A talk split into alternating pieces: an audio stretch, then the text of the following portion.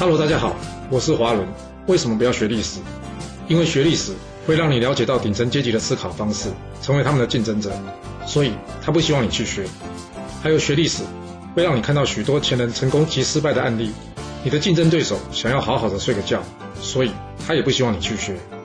最重要的是，学历史会让你了解人性，你的老板以及同事都希望你保持天真的心，所以他们更不希望你去学。就是因为这些原因，接下来我要跟你说的是故事，而不是历史。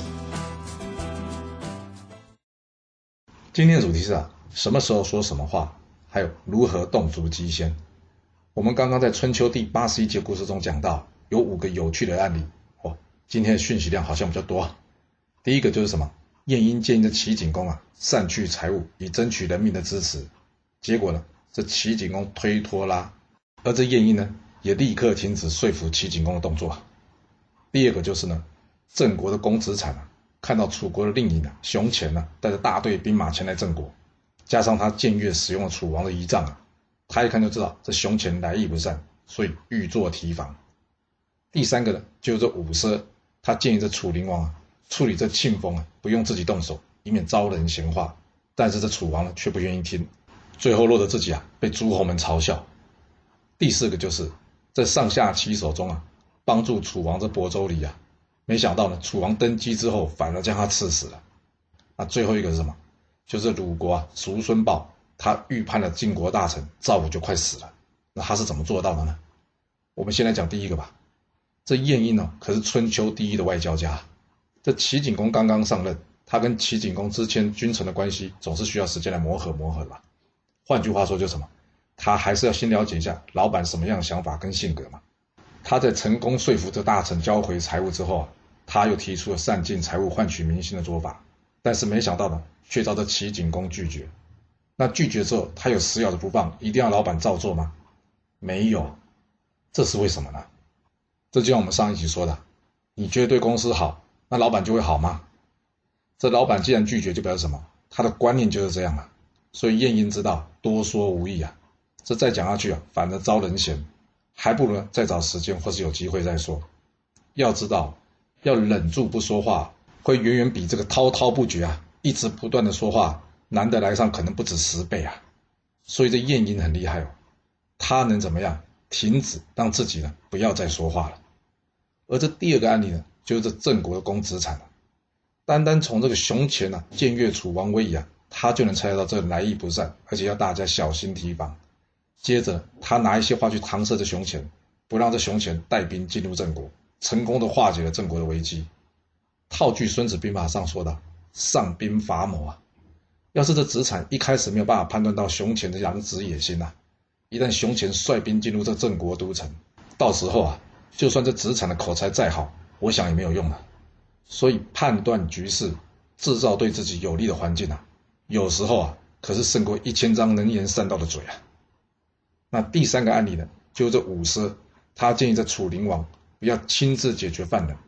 要是我们第一次来看这个历史故事啊，可能会觉得，嗯，伍奢的说法是对的，而且结果证明伍奢是对的。哇，要是这样来看的话，我想啊，很多东西会怎么样误导大家？因为我个人觉得这完全是个失败的案例。伍奢的说法完全正确，没有错，但是这是从道理上去说。那我们从一开始看这楚灵王就知道这个人怎么样，好大喜功。那伍奢若是小小声的跟楚王说，那这个错误恐怕会小一点，毕竟这件事只有他们两个听到嘛。要不是呢，要是在大臣们面前说，那这不是证明了大王不英明吗？那你觉得好大喜功的楚灵王，就算知道自己错了，他心里对伍奢会怎么想？还有，你要他怎么当场把这话给吞回去啊？那有没有比较好的说法呢？我觉得比较好的说法是什么？这武奢或许可以说：“大王，你一国之尊去处理一个上家之犬，这面子上不好看呐。我们随便派个下人去处理掉他，这才显得威风，不是吗？”哎，这样的说法呢，又顾到楚王的面子，又能达成他武奢说话的目的。这样的方式是不是会比直接跟楚王说：“哎呀，要是这庆丰当场数落您的事，那不是让诸侯们看笑话吗？”那你想想看，这庆丰能数落楚王什么事？当然就是楚王自己也是弑君呐，楚王一个弑君之人去杀另外一个弑君的大臣，这样子不好看。没错啊，这是实话。但五奢这话不是挑到楚王的痛处了吗？而且要是有大臣在旁边听到，大家不在下面已经开始偷笑了吗？你觉得楚王有可能接受吗？他有可能听得进去吗？我觉得这个机会几乎是零呢。所以啊，讲对话跟把话说对哦，那是两件事哎。那我们再来说说第四个吧。这第四个呢，就是在上下其手成语故事中呢，帮助楚王的这亳州离啊。哎，你会不会觉得很奇怪？这亳州离帮助着楚灵王，但最后却被楚灵王给刺死了，有没有那么夸张啊？其实一点都不夸张。对于一个会去抢人家功劳，还会恶人先告状的人来说啊，他的道德标准啊，应该已经是没下限了。简单来说，他也就是小人一枚啊。可没有人说老板不会是小人的。要知道啊，那从小人的角度来看，要是你呢是因为被他胁迫、被逼不得不去帮他，他可能还会觉得你能力不足，他有办法控制你而饶你一命。但是要是像亳州离这样没事主动去帮小人的人，你想这小人会怎么想？他心里会想：哎，这人呢肯定也是个小人，尤其是呢我哥那么相信他，他竟然没为我哥献出他的忠心。换句话说什么？就是要是有一天我当上国君呢？这家伙大概也会随时见风转舵吧，所以这种聪明的小人呢，最好还是别留在身边吧，随便找个借口把他除掉就好了。千万记住啊，不要随便去帮小人说话，要不然有一天你会发现啊，他根本就不给你说话的机会，就把你给卖了。那我们来讲最后一个吧，也就是第五个了。这鲁国的叔孙豹啊，他预判了晋国大臣赵武快死了。哟，这个厉害哦，他不是算命的。却可以准确的算出赵武快死了，那他怎么做到的呢？因为人家说眼睛是灵魂之窗啊，眼神骗不了人的，而有时候呢，你说话的内容其实也骗不了人的。重点在于啊，这听话对象有没有用心解读出说话的意图啊？像这赵武啊，他这种只管今天不管明天的做法，除了显示他的心态或者是体力已经老了，也显示出什么晋国的状况已经大不如前了。不然，纵使这赵武没有体力，但是还会后继有人呐，所以这叔孙豹啊，他单单可以从这一客观的事实啊来判断这赵武已经不行了。其实哦，若是你想要学习怎么听人家说话，你可以从新闻上去学啊。当我们听到这些受访问的人在说话的时候，你要听的什么？不是他想要表达什么，还要包括什么？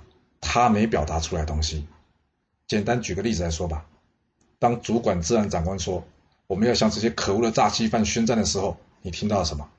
嗯，这是他表达他的决心，这些诈欺犯要倒霉了。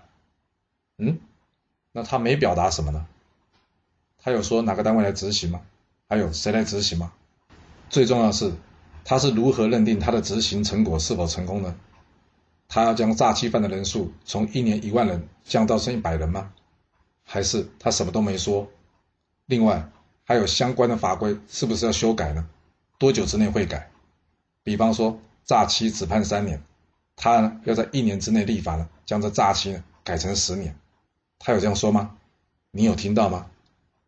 要是答案都是没有，你觉得他真的有想要处理这件事吗？还是他只是在处理民众的情绪啊？要是你没有办法接受公司中那些每天只会说不会做的人，那你觉得这个人跟那些每天在公司啊只会说不会做的人有什么不一样啊？